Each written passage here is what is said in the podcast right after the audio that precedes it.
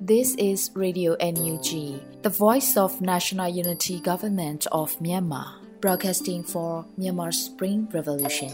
Radio NUG is transmitting from shortwave 16 meter 17.79 MHz at 8:30 a.m. and 25 meter 11.94 MHz at 8:30 p.m. Myanmar Standard Time.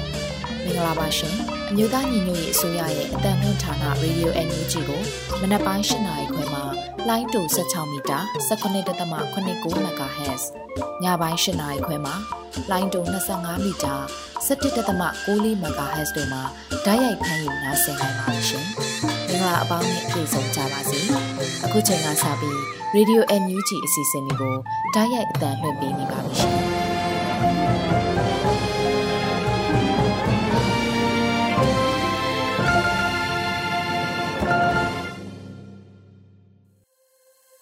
မင်္ဂလာနံနက်ခင်းပါရှင်ရေဒီယို NUG ကိုနားဆင်နေကြတဲ့မိဘပြည်သူများနဲ့မြန်မာနိုင်ငံသူနိုင်ငံသားအပေါင်းတဘာဝဘေးဆရာနာရှင်ဘေးတို့ကနေကင်းဝေးပြီးကိုစိတ်နှပါဘေးကင်းလုံခြုံကြပါစေလို့ရေဒီယို NUG အဖွဲ့သားများကဆုတောင်းမေတ္တာပို့သလိုက်ပါတယ်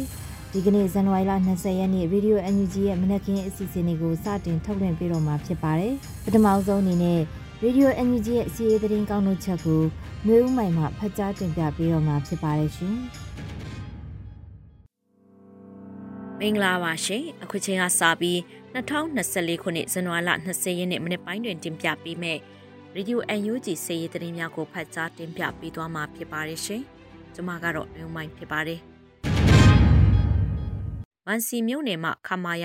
424ကို KIA တိုက်ခိုက်သိမ်းပိုက်တဲ့သတင်းကိုတင်ပြပေးပါမယ်။ကချင်ပြည်နယ်မန်စီမြို့နယ်ကောင်းမှုရန်ကျေးရွာအခြေစိုက်စစ်ကောင်စီချင်းမြန်တက်ရင်ခမာယ424စခန်းကို တိုက်ခိုက်သိမ်းပိုက်လိုက်ကြောင်းကချင်လွတ်လပ်ရေးတပ်မတော် KIA ပြန်ကြားရေးတာဝန်ခံဗိုလ်မှူးကြီးနော်ဘူးထံကသိရပါဗျ။ဇန်နဝါရီလ19ရက်နေ့မနက်7:00နာရီခန့်မှာအဆိုပါခမရ424စခန်းကို KIA တပ်မဟာ3ကတိုက်ခိုက်သိမ်းပိုက်လိုက်တာဖြစ်တယ်လို့သိရပါဗျ။တိုက်ပွဲတွင်စစ်ကောင်စီတပ်ဖွဲ့ဝင်20ကျော်အရှင်ဖမ်းဆီးရမိကြောင်းသတင်းများထွက်ပေါ်နေပေမဲ့ KIA အနေဖြင့်အသေးစိတ်အတိမပြုတ်နိုင်သေးဘူးလို့ဆိုပါတယ်။ KIA နဲ့ PDF ပူးပေါင်းတပ်ဖွဲ့များနဲ့ စစ်ကောင်စီတပ်တို့ဟာဖားကန်ဒေသဖက်တွင်လည်းတိုက်ပွဲများဆက်လက်ဖြစ်ပွားနေသေးကြောင်းဗိုလ်မှူးကြီးနော်ဘူးကပြောပါရရှင်ပခုတ်ကမှရေးစကြိုတို့ထွက်ခွာလာသောစစ်ကောင်စီရိတ်ခါကားနဲ့လုံခြုံရေးရင်တန်းကိုမိုင်းဆွဲတိုက်ခိုက်တဲ့တဲ့ရင်ကိုဆက်လက်တင်ပြပါမယ်။ဇန်နဝါရီလ19ရက်မှာစစ်ရေးတဲ့ရင်ကို Young Force UG ကအတည်ပြုဆိုပါတယ်။ဇန်နဝါရီလ19ရက်နေ့မနေ့ပိုင်းတွင် ပခုတ်ကုံမှရေးစကြိုတုတ်ထွက်ခွာလာသောစစ်ကောင်စီရိတ်ခါကားနဲ့လုံခြုံရေးရင်တန်းကိုမိုင်းဆွဲတိုက်ခိုက်ခဲ့ပါတယ်လို့ဆိုပါတယ်။မိုင်းဆွဲတိုက်ခိုက်မှုကြောင့်ကားနှစ်စီးပျက်စီးသွားပြီးကြံကားများမှာပခုတ်ကိုဆက်မှုဆုံးဂိတ်တို့ပြန်လှည့်သွားခဲ့တယ်လို့သိရပါတယ်။ဒဏ်ရာရစစ်ကောင်စီများကိုမြို့ထဲမှလူမှုကူညီရေးကားများဖြင့်လာရောက်ခေါ်ဆောင်သွားကစစ်ကောင်စီထိခိုက်မှုရှိပြီးတည်ဆုံမှုရှိမရှိကိုအတီးပြုတ်နေစေဖြစ်ပါတယ်။၎င်းတိုက်ခိုက်မှုကို ရေစကြိုမြို့နယ်ပါကဖနဲ့ပခုတ်ကိုမြို့နယ်ပါကဖတက်ခွဲနှင့်မှပူးပေါင်းဆောင်ရွက်ခဲ့ပါတယ်ရှင်။အလားတူလောင်းလုံးမြို့နယ်တွင်ရှိကျေးရွာများသို့စစ်ကြောင်းထိုးဝင်ရောက်တဲ့စစ်ကောင်စီစစ်ကြောင်းကိုနေရာ၅ခုမှာမိုင်းခွဲတိုက်ခိုက်ရာ၅ဦးသေဆုံးတဲ့တရင်တင်ပြပါမယ်။ဇန်နဝါရီလ19ရက်နေ့ကိုရဲလာတဝဲဒဝဲမြို့ပြပျောက်ကြားတပ်ဖွဲ့ကစစ်ရေးတရင်ကိုအတီးပြုပါတယ်။ဒဝဲခရိုင်လောင်းလုံးမြို့နယ်တွင်ရှိကျေးရွာများသို့ စစ်ကြောင်းထိုးဝင်ရောက်တဲ့အင်အား200ပါစစ်ကောင်စီစစ်ကြောင်းနေရာ5ခုတွင်အသင့်ဆောင်ကြို၍မိုင်းခွဲတိုက်ခိုက်ခဲ့လို့ဆိုပါတယ်။မိုင်းထီမာရဲ့စစ်ကောင်စီ9ဦးနေရာတင်သေဆုံးက16ဦးပြင်းထန်ဒဏ်ရာရရှိခဲ့လို့သိရပါတယ်။စစ်စီရေးကိုဂူရီလာဒဝေဒဝေမြုပ်ပြပျောက်ကြားတပ်ဖွဲ့ဒဝေ Defense Team DDT ဒဝေနဂါတက်ခွဲငါပြည်သူ့ကာကွယ်တပ်ဖွဲ့လောင်းလုံးမြို့နယ် LLPDF လိပ်ပြတပ်စုတို့ပါဝင်ပါတယ်ရှင်။ ပေါင်းတေတွင်ကြေးရွာမီးရှို့လာတဲ့စစ်ကောင်စီတပ်ကြားဖြတ်တိုက်ခိုက်ခံရတဲ့တဲ့ရင်ကိုနောက်ထပ်တင်ပြပေးပါမယ်။ပဲခူးတိုင်းပေါင်းတေမြို့နယ်မအူကွင်းကျေးရွာသို့မီးရှို့ဖျက်ဆီးပြီးပြန်လာတဲ့စစ်ကောင်စီတပ်ကိုကြားဖြတ်တိုက်ခိုက်ခဲ့လို့ပြည်ခရိုင်တပ်ရင်3631 PPDF မှစစ်တွေနဲ့ပြန်ချိုင်းတာဝန်ခံထံကသိရပါဗျ။ဇန်နဝါရီ14ရက်ညနေ4နာရီခန့်ကမအူကွင်းရွာကိုမီးရှို့ဖျက်ဆီးပြီးတောင်ခမောက်ရွာဘက်ကိုထွက်လာတဲ့စစ်ကောင်စီစစ်ကြောင်းကို တပ်ရင်3631 PPDF တပ်ရင်စနိုက်ပါဖွဲ့မှစတင်ပစ်ခတ်တိုက်ခိုက်ခဲ့ပြီးတက်ခွဲအသီးသီးမှရဲဘော်များကလည်းမိုင်းသုံးကျိန်ဆွဲကတိုက်ခိုက်ခဲ့လို့၎င်းကပြောပြပါရယ်ထို့သို့တိုက်ခိုက်ခံရမှုကြောင့်စက်ကောင်စီဖက်မှ 3ဦးသေဆုံးပြီး3ဦးထိခိုက်ဒဏ်ရာရရှိခဲ့ကလက်နက်ကြီးလက်နက်ငယ်များနဲ့ပြန်လည်ပစ်ခတ်ပြီးတောင်ခမောက်ရွာထဲကိုဝင်ရောက်ထွက်ပြေးသွားတယ်လို့သိရပါတယ်။ထို့နောက်စစ်ကောင်စီတပ်ဖွဲ့ဝင်များဟာဇန်နဝါရီ14ရက်နေ့ညနေ9နာရီခွဲခန့်မှာတောင်ခမောက်ရွာအတွင်းရှိနေအိမ်များကိုမိရှုဖျက်ဆီးခဲ့ပြီးနေအိမ်82လုံးစပကြီး3လုံးပင်ရိုင်းဝင်ဟန်အဆောင်တစ်လုံးမီးလောင်ပြာကျသွားခဲ့လို့သိရပါတယ်။ထို့တုံမိရှုဖျက်ဆီးမှုကြောင့်တောင်ခမောက်ကျေးရွာတွင်မိဘေးတင်ပြည်သူ အမျိုးသား112ဦးအမျိုးသမီး118ဦးဖြင့်စုစုပေါင်း229ဦးအိုးမဲ့အိမ်မဲ့ဖြစ်ခဲ့ရလို့စုံစမ်းသိရှိရပါတယ်ရှင်။မိုးကုတ်မြို့နယ်မှာစက်ကောင်စီ9မိုင်တက်စခန်းမှ10မိုင်ရှိပိန်းပစ်ရွာတော့လက်နက်ကြီးဖြင့်ဆဲကျိန်ပစ်ခတ်တိုက်ခိုက်ခဲ့ရာကျေးရွာဒေသခံပြည်သူ2ဦးကြီးစထိမှန်တေဆုံးတဲ့တဲ့တင်ပြပါမယ်။ ဇန်နဝါရီ19ရက် PSLF TNLA ကစစ်ကောင်စီတပ်ရဲ့အကြမ်းဖက်လုပ်ရက်ကိုအတိပေးဆိုထားပါတယ်။တအောင်းပြည်နယ်တပ်မဟာနှစ်စစ်ဒေသမိုးကုတ်မြို့နယ်စစ်ကောင်စီ9မိုင်တပ်စခန်းမှဇန်နဝါရီ19ရက်နေ့နဲ့17:25နာရီချိန်တွင်ရှစ်မိုင်ရှိပိန်ပြစ်ရွာသို့လက်နက်ကြီးဖြင့်ဆဲကျင်းပစ်ခတ်တိုက်ခိုက်ခဲ့လို့ဆိုပါရယ်စစ်ကောင်စီပစ်ခတ်မှုကြောင့်ရှစ်မိုင်ရှိကျေးရွာဒေသခံပြည်သူ2ဦးကြီးစထိမှန်တေဆုံးပြီး2ဦးတန်ရာရ လူနေအိမ်လေးလုံးကြီးစထိမှန်ဖြစ်စီခဲ့လို့သတင်းရရှိပါရရှင်ဆလပီမေအိုကျေးရွာမှာဖမ်းဆီးခံရတဲ့ပြည်သူ15ဦးနဲ့4ဦးအသက်ခံရတဲ့တဲ့ဇန်နဝါရီလ18ရက်မနေ့ပိုင်းကအင်အားတရာခန့်ရှိစက်ကောင်စီစစ်ကြောင်းဟာ စကိုင်းတိုင်းဒီပဲရင်မြို့နယ်မဲအိုးရွာအတွင်းစစ်ကြောင်းထိုးဝင်ရောက်လာပြီးပြည်သူ15ဦးခန့်ကိုဖမ်းဆီးခေါ်ဆောင်သွားခဲ့လို့သိရပါတယ်။၎င်းဖမ်းဆီးခံပြည်သူများအနက်မှ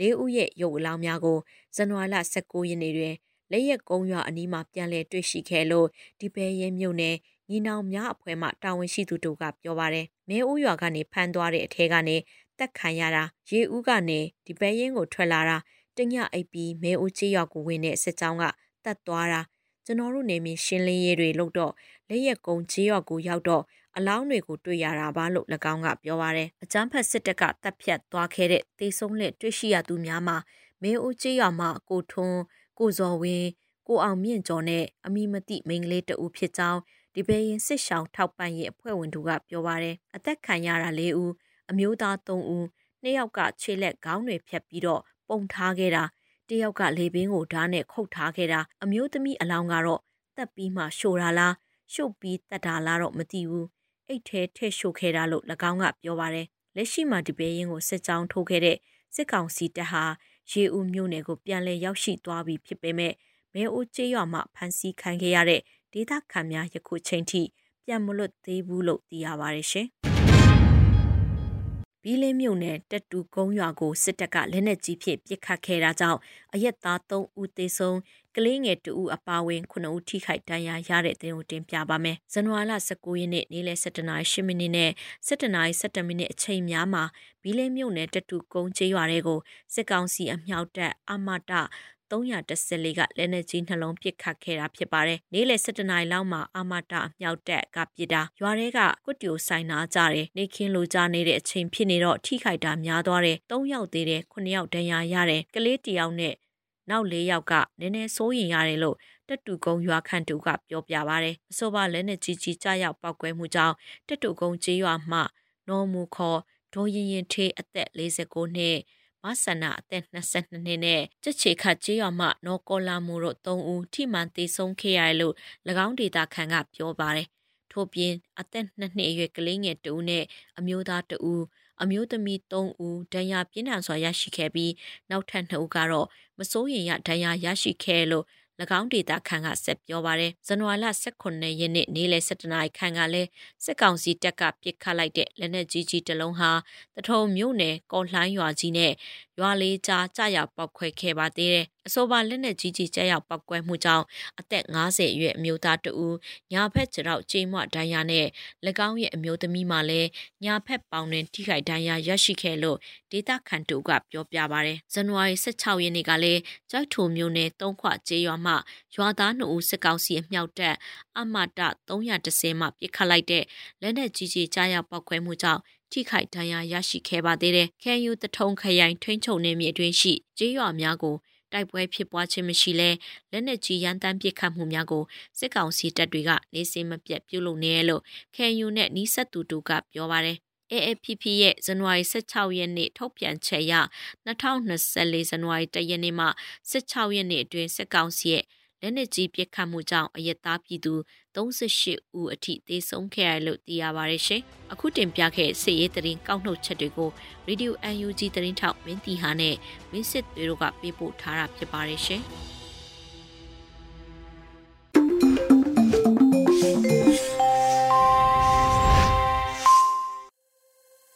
ရေဒီယိုအန်ဂျီရဲ့မနက်ခင်းအစီအစဉ်လေးကိုဆက်လက်အသံလွှင့်ပေးနေပါတယ်။အခုတစ်ခါမှာတော့ ပြည်တွင်းသတင်းများကိုຫນွေဦးမှမှဖတ်ကြားတင်ပြပေးတော့မှာဖြစ်ပါတယ်ရှင်။မင်္ဂလာမနက်ခင်းပါရှင်2024ခုနှစ်ဇန်နဝါရီလ20ရက်နေ့ Radio NUG ပြည်တွင်းသတင်းတွေကိုတင်ပြပေးသွားပါမယ်ကျွန်မကတော့ຫນွေဦးမွန်ပါတော်လိုင်းအရှိန်အမြင့်ဆုံးကာလဖြစ်၍အင်အားစုအလုံးညီညွတ်မှုနဲ့အဟန်ချက်ညီမဟာဗျူဟာမြောက်ဆောင်ရွက်ကြရဲ့ယာယီသမရတိုက်တွန်းတဲ့သတင်းကိုတင်ပြပေးပါမယ်ဇန်နဝါရီလ19ရက်နေ့စွဲနဲ့ စီရီယမ်နိုင်ငံဝန်ထမ်းတို့ညီလာခံကိုပေးပို့တဲ့သဝင်လွှာမှာယာယီသမရကခုလိုပြောကြားခဲ့တာဖြစ်ပါတယ်စီဒီအမ်နိုင်ငံဝန်ထမ်းတို့ပါဝင်တော်လန်ရဲတွင်ပါဝင်နေသူအားလုံးရဲ့ဆောင်ရွက်ချက်များကတော်လန်အောင်မြင်မှုအတွက်ရှေ့ရှုရမည်ဖြစ်ပြီးအင်အားစုအားလုံးညီညွတ်မှုနဲ့ဟန်ချက်ညီမဟာဗျူဟာမြောက်ဆောင်ရွက်ကြရန်အထူးလိုအပ်ပါသည်လို့ယာယီသမရကပြောပါတယ်။ယခုကျင်းပသောညီလာခံမှာစီဒီအမ်နိုင်ငံဝန်ထမ်းများအတွက် ကောင်းမွန်သောရလဒ်များထွက်ပေါ်ပြီးအားလုံးစူးစီးညီညွတ်စွာတော်လန်ခီအောင်မြင်သည့်အထိရှေ့ဆက်နိုင်ပါစေလို့ယာယီသမရကဆုတောင်းပေးခဲ့ပါတယ်။ရေယူတော်လန်နဲ့အတူရှိန်ဟုန်ပြင်းပြင်းဖြင့်စတင်ခဲ့တဲ့ကျမ်းမဖက်အာဏာဖီဆဲရေးလှုပ်ရှားမှု Civil Disobedience Movement တွင်စီရီယမ်နိုင်ငံဝန်ထမ်းတို့ဟာအရေးကြီးတဲ့တောက်တိုင်ကြီးတစ်ခုဖြစ်ပါဝင်ခဲ့ပြီးယနေ့တော်လေးတွင်လည်းရေးပါသောခန့်ကဏ္ဍမှာတည်ရှိနေတဲ့ဆိုတာအထင်ရှားပင်ဖြစ်တယ်လို့လည်းယာယီသမရကဆိုပါတယ်။စီရီယမ်နိုင်ငံဝန်ထမ်းများရဲ့အာဏာရှင်စနစ်အမြင့်ဖြတ်ရေး ဒီမိုကရေစီရေးနဲ့နိုင်ငံသားများရဲ့လွတ်လပ်ခွင့်အတွက်ဆွလွတ်အနစ်နာခံပေးဆက်မှုများဟာမြန်မာတော်လှန်ရေးသမိုင်းတွင်အမှတ်ကြောက်တင်နေပြီဖြစ်ကြောင်းယာယီသမရကပြောကြားခဲ့ကတော်လှန်ရေးလွန်ဖက်ဒရယ်ဒီမိုကရေစီနိုင်ငံသည့်တည်ဆောက်ရမှာလဲစီဒီအမ်နိုင်ငံဝန်ထမ်းတူကြီးရဲ့သက်ဆိုင်ရာနယ်ပယ်လိုက်ကျွမ်းကျင်မှုပညာရများအတွေ့အကြုံများနဲ့အင်အားဟာလည်းရေးကြီးတဲ့တောက်တိုင်းဖြစ်ဆက်လက်တည်ရှိနေမှာဖြစ်တယ်လို့သဝင်လွှာပေးပို့ခဲ့ပါတယ်ရှင်။ မြို့သားညီညွတ်ရေးအစိုးရရေးပေါ်ချင်းနေစီမံခန့်ခွဲမှုဆိုင်ရာပေါင်းဆက်ညီနာရေးကော်မတီစီဝေးကျင်းပတဲ့တဲ့ရင်ကိုဆက်လက်တင်ပြပေးပါမယ်။မြို့သားညီညွတ်ရေးအစိုးရရေးပေါ်ချင်းနေစီမံခန့်ခွဲမှုဆိုင်ရာပေါင်းဆက်ညီနာရေးကော်မတီ EOCC အစည်းအဝေးကိုကျင်းပခဲ့တယ်လို့သတင်းရရှိပါရယ်။စီဝေးသို့လူသားချင်းစာနာကူညီရေးနဲ့ဘေးအန္တရာယ်တုံ့ပြန်ရေးကော်မရှင်တွင်ရမှုပြည်ထောင်စုဝန်ကြီးဒေါက်တာဝင်းမြတ်အေ EOCC ညီနာရေးမှုပြည်ထောင်စုဒုတိယဝန်ကြီးဒေါက်တာငိုင်းထန်းမောင်းနဲ့ ရေးပေါ်ချင်းနဲ့စီမံခန့်ခွဲမှုဆိုင်ရာပေါင်းဆက်ညီနာရေးကော်မတီမှလုပ်ငန်းဖွဲ့များတက်ရောက်ခဲ့ကြပါတယ်။အဲ့ဒီနောက်ရေးပေါ်ချင်းနဲ့စီမံခန့်ခွဲမှုဆိုင်ရာပေါင်းဆက်ညီနာရေးကော်မတီ EOCC အစည်းအဝေးမှာ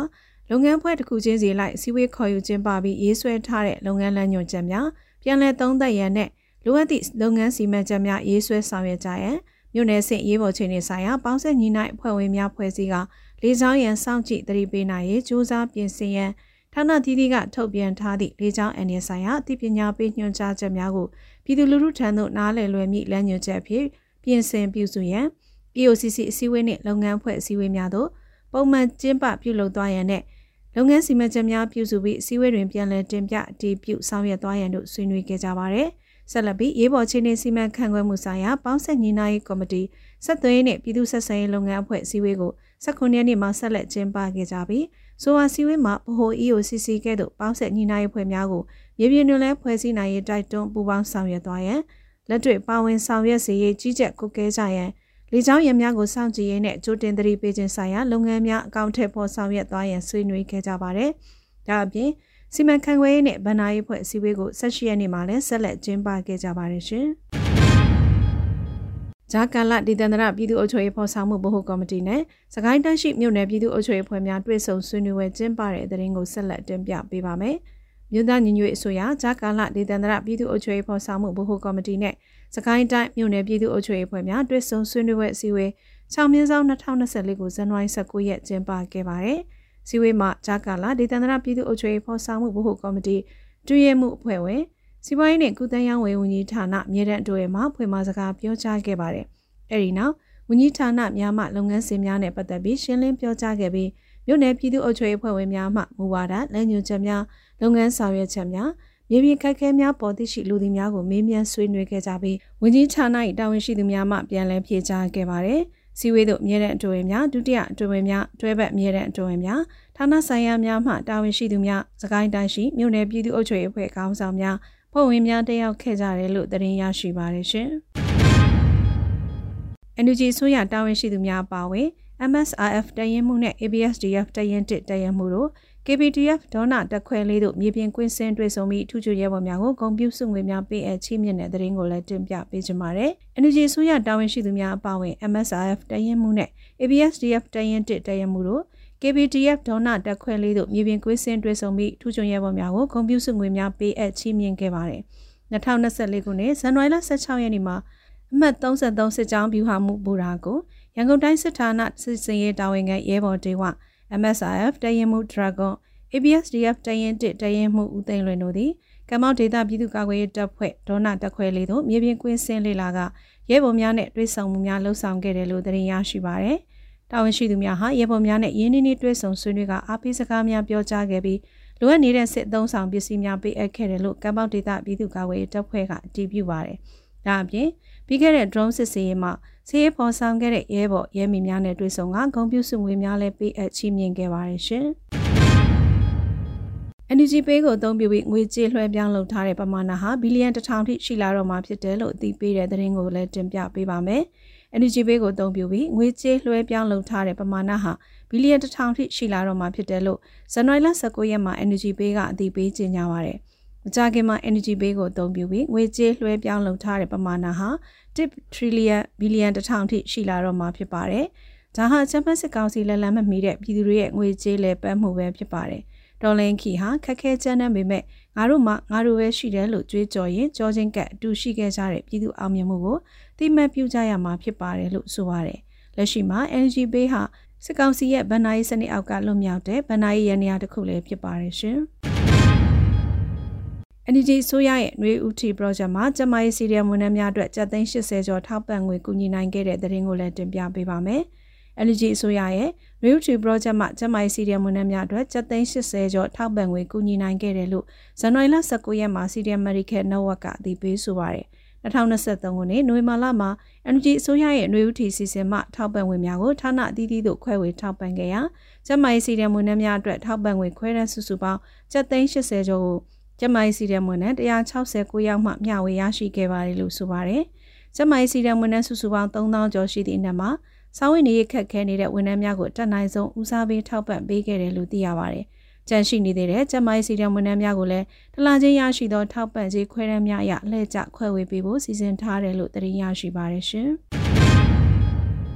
ပါမတက္ကသိုလ်ပညာသင်ကြားနေကြသောမြန်မာကျောင်းသူကျောင်းသားများနဲ့မိဖွဲ့တွဲဆုံပွဲပါမမြို့တော်ဝင်တက်ရောက်တဲ့သတင်းကိုလည်းတင်ပြပေးပါမယ်။ပါမတက္ကသိုလ်ပညာသင်ကြားနေတဲ့မြန်မာကျောင်းသူကျောင်းသားများနဲ့မိဖွဲ့တွဲဆုံပွဲပါမမြို့တော်ဝင်တက်ရောက်ခဲ့တယ်လို့သိရပါတယ်။ 2024ခုနှစ်ဇန်နဝါရီလ16ရက်နေ့အင်္ဂါနေ့တွင် Giuseppe Mabelli Italy Burma Friendship Association မှာပါမတက္ကသိုလ်ရင်းပညာသင်ကြားနေကြတဲ့မြန်မာကျောင်းသူကျောင်းသားများနဲ့မိတ်ဖွဲ့တွေ့ဆုံပွဲကိုစီစဉ်ကျင်းပခဲ့ပါတယ်။တွေ့ဆုံပွဲသို့ဖွဲ့စည်းဥက္ကဋ္ဌနဲ့တာဝန်ခံများပါမမြို့တော်ဝန်ပါမတက္ကသိုလ်ပါမောက်ခနဲ့ဆရာဆရာမများ ပါမတက္ကသိုလ်တွင်တယောက်နေကြတဲ့မြန်မာကျောင်းသူကျောင်းသားများတယောက်ခဲ့ကြကရင်းနှီးနှီးနှုတ်ခွန်းဆက်စကားပြောကြားခဲ့ကြပါတယ်မြန်မာဒီမိုကရေစီအရေးနဲ့မြန်မာပြည်သူပြည်သားများအတွက်အစဉ်တစိုက်ရက်တီစူးစမ်းပေးလျက်ရှိတဲ့ပါမမြို့နဲ့အီတလီမြန်မာမိတ်ဆွေဖွဲ့ကိုအထူးကျေးဇူးတင်ရှိတယ်လို့ဆိုပါတယ်ရှင်ခုတင်ပြခဲ့တဲ့သတင်းတွေကို Radio Energy သတင်းတောက်မင်းတီဟန်နဲ့မစ်စစ်သွေးတို့ကပေးပို့ထားတာဖြစ်ပါတယ်ရှင်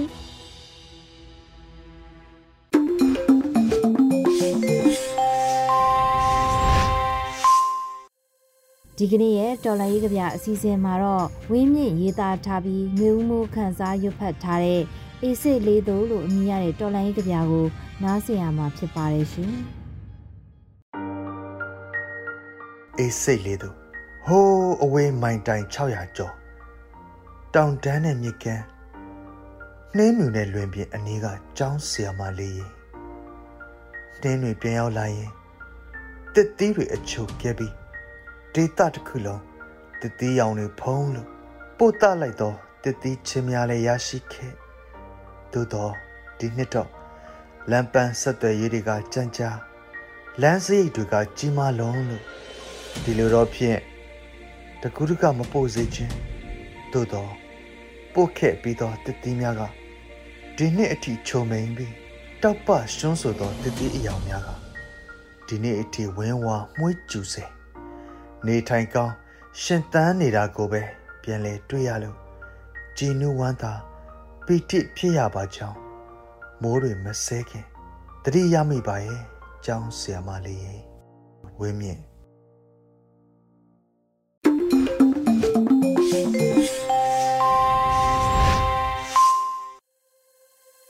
ရေဒီယိုအန်ဂျီမှဆက်လက်အသံလွှင့်ပေးနေပါတယ်။အခုဆက်လက်ပြီး PPTV ရဲ့နေ့စဉ်သတင်းများကိုတော့ ရိမ့်မှဖတ်ကြားတင်ပြပေးတော့မှာဖြစ်ပါတယ်ရှင်။အခုချိန်ကစပြီး PPTV သတင်းတွေကိုတင်ဆက်ပေးတော့မှာပါ။ကျွန်မရိမ့်ပါ။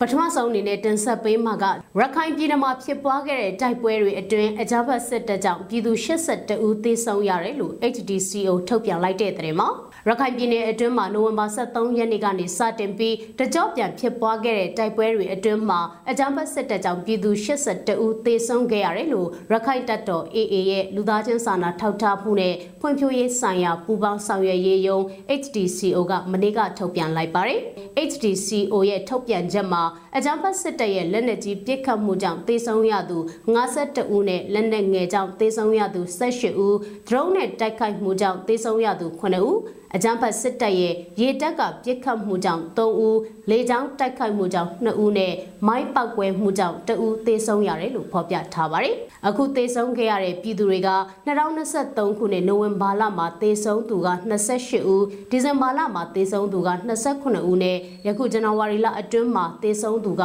26ဦးတို့ဖြစ်တယ်လို့ဆိုပါတယ်။ဒါအပြင်2023ခုနှစ်နိုဝင်ဘာ23ရက်ကနေယခုဇန်နဝါရီ23ရက်အထိ3လတာကာလအတွင်းမှာမှာအကြမ်းဖက်စစ်တပ်ကြောင့်ထိခိုက်ဒဏ်ရာရခဲ့တဲ့ပြည်သူအရေးအတွက်က260ဦးအထိရှိထားတယ်လို့လည်းလူသားစာနာထောက်ထားရေးနဲ့ဖွံ့ဖြိုးရေးဆိုင်ရာပူးပေါင်းဆောင်ရွက်ရေးယုံ HDCO ကထုတ်ပြန်အသိပေးထားပါတယ်။ ထမှန်တင်ဆက်ပေးသောမှာကရခိုင်ပြည်နယ်ကမြို့နယ်အချို့မှာအကြမ်းဖက်စစ်တပ်ကဆက်သွယ်ရေးလိုင်းတွေဖြတ်တောက်တာကြောင့်ညီနောင်သုံးဖွဲ့စိုးရိမ်နေတယ်လို့ထုတ်ပြန်လိုက်တဲ့တဲ့မှာရခိုင်ပြည်နယ်ကမြို့နယ်အချို့မှာအကြမ်းဖက်စစ်တပ်ကဆက်သွယ်ရေးလိုင်းတွေဖြတ်တောက်ထားတာကြောင့်ညီနောင်သုံးဖွဲ့ကစိုးရိမ်မှုတွေရှိနေတယ်လို့ဒီကနေ့မှထုတ်ပြန်ပါတယ်ရခိုင်ပြည်နယ်အတွင်းကအကြမ်းဖက်စစ်တပ်ရဲ့စခန်းတွေကိုရခိုင်တပ်တော် AA ကနေ့စဉ်ထိုးစစ်ဆင်သိမ်းပိုက်နေတာကြောင့်အကြမ်းဖက်စစ်တပ်ကနေ့စဉ်လေးချောင်းလက်နက်ကြီးတွေနဲ့တံပြန်တိုက်ခိုက်နေတာဖြစ်ပါတယ်။အခုလက်ရှိမှာအကြမ်းဖက်စစ်ကောင်စီကရခိုင်ဒေသအတွင်းမှာရှိတဲ့မြို့နယ်အချို့မှာဆက်သွယ်ရေးလိုင်းတွေကိုရည်ရွယ်ချက်ရှိရှိဖြတ်တောက်ထားတာကြောင့် AA အနေနဲ့များစွာစိုးရိမ်နေတယ်လို့ဆိုပါတယ်။ AA အနေနဲ့ဒီလိုစိုးရိမ်ရတာဟာအကြမ်းဖက်စစ်တပ်ကအခုလိုဆက်သွယ်ရေးလိုင်းတွေဖြတ်တောက်ထားတဲ့အချိန်တိုင်းပြည်သူလူထုအပေါ်စိတ်ရာဇဝတ်မှုတွေပုံမကျူးလွန်တဲ့အထောက်အထားတွေအရင်ကလည်းရှိခဲ့တာကြောင့်ဖြစ်တယ်လို့ထုတ်ပြန်ချက်မှာအသိပေးထားပါတယ်။ရခိုင်ပြည်နယ်အတွင်းမှာအကြမ်းဖက်စစ်ကောင်စီကဆက်သွယ်ရေးဖုန်းလိုင်းနဲ့အင်တာနက်လိုင်းတွေမနေ့ကဇန်နဝါရီ18ရက်မှာပုံမဖြတ်တောက်ထားတာကြောင့် online ငွေသွင်းငွေထုတ်လုပ်ငန်းတွေရပ်တန့်သွားလို့ဒေသခံပြည်သူတွေအခက်အခဲဖြစ်နေသလိုသတင်းစီးဆင်းမှုတွေမရှိတော့တာကြောင့်သတင်းမှန်သိရဖို့ပါခက်ခဲလာတယ်လို့ဒေသခံတွေကဆိုပါရယ်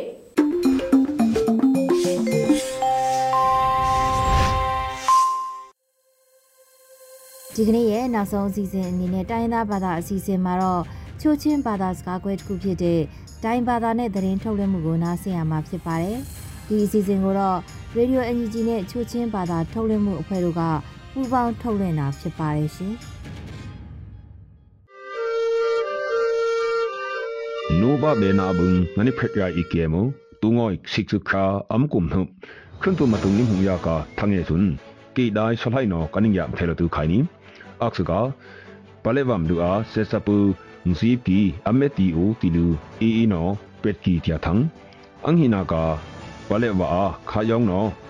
ကာဝါယဖုကုမ်ဟာလော်ကီဟာစင်ဘွိကီယာခါဖူချီကီတျာထန်းအခုမနာကာတီတင်လူနေတိုင်ငင်းဆက်စာငွန်ဟွန်ဇွန်းခုတူပေါ်ပူနောအနိတုမ်ခွတ်ဦးတျာထန်းပီနိငိုင်ခယနီအခုနာကာဆက်စာဖရက်ထုမ်မီဇူရမ်ဒါဝဒုံတူပီတျာထန်းပီငိုင်ဝိုင်ဝေကီနီ am hana ka ki ai i no tung na kha yong mat ani ka kha u tia thange nya ngai tu khaye ka kini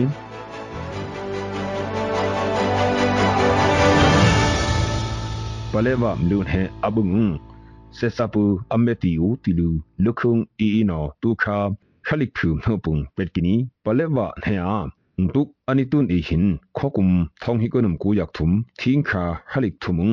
ตุนอีอุลือ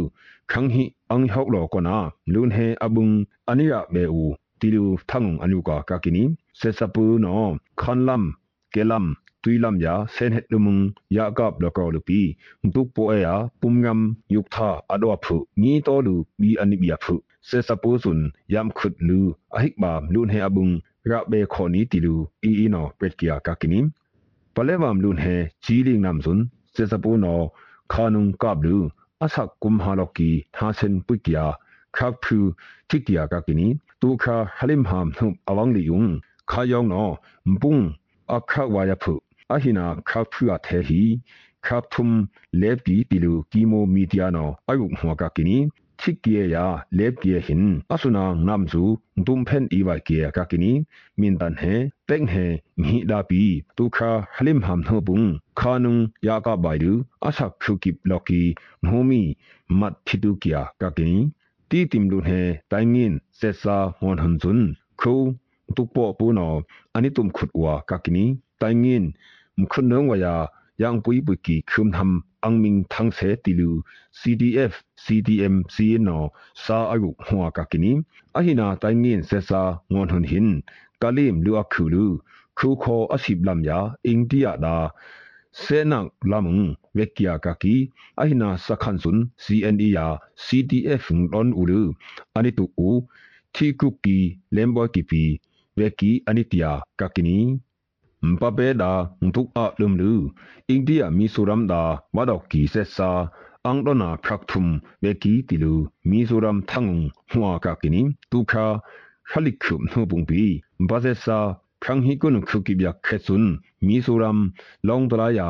adan rainphe sesai da wangwai kia ka kini ahina sesai hin paleba lunhe da khu wangwai ตกขยอนิตยากากินีข้อกุมทองฮิกนุงมุกุยักถุมทิ้งคางกันเนาะตุข้อกุบไทยสิกสุคาวิฮีมีสุรัม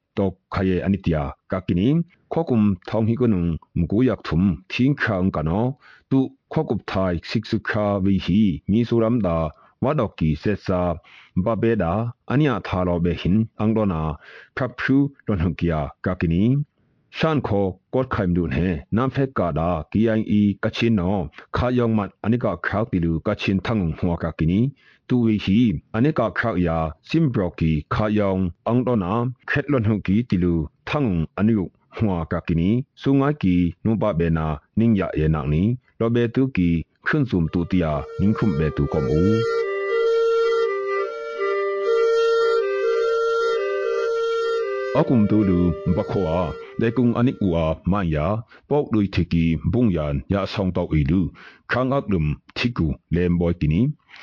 akum tulu bakhoa lekung anik ua maya pok dui thiki bungyan ya song tok ilu khang aklum thiku lem boy tini khom lekung anik u maya bungya ne sun am yukuma ani prana kaki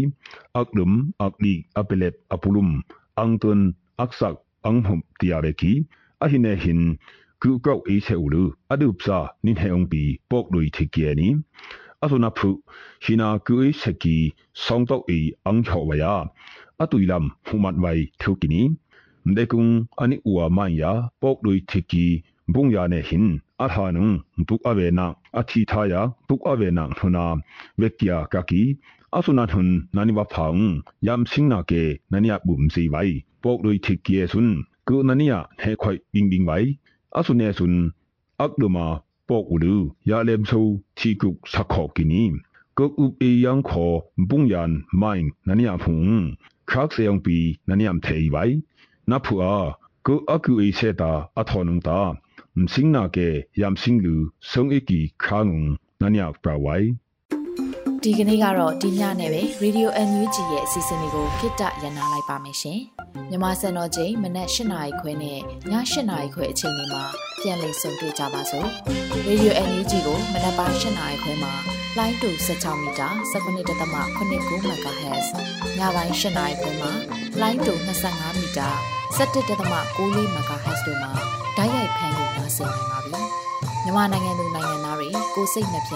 ကျန်းမာချမ်းသာလို့ဘေးကင်းလုံခြုံကြပါစေလို့ Radio NUG အဖွဲ့သူဖွဲ့သားတွေကဆုတောင်းမြတ်တာပို့တာလိုက်ရပါတယ်ရှင်။မြေသားညီမတွေအစိုးရရဲ့စက်သွေးရေးသတင်းအချက်အလက်တွေပညာဝန်ကြီးဌာနကထုတ်လွှင့်နေတဲ့ Radio NUG ဖြစ်ပါတယ်။ San Francisco Bay Area အခြေစိုက်မြန်မာမိသားစုတွေနဲ့နိုင်ငံတကာကစေတနာရှင်လို့အားပေးနေတဲ့ Radio NUG ဖြစ်ပါတယ်။အရေးတော်ပုံအောင်ရမည်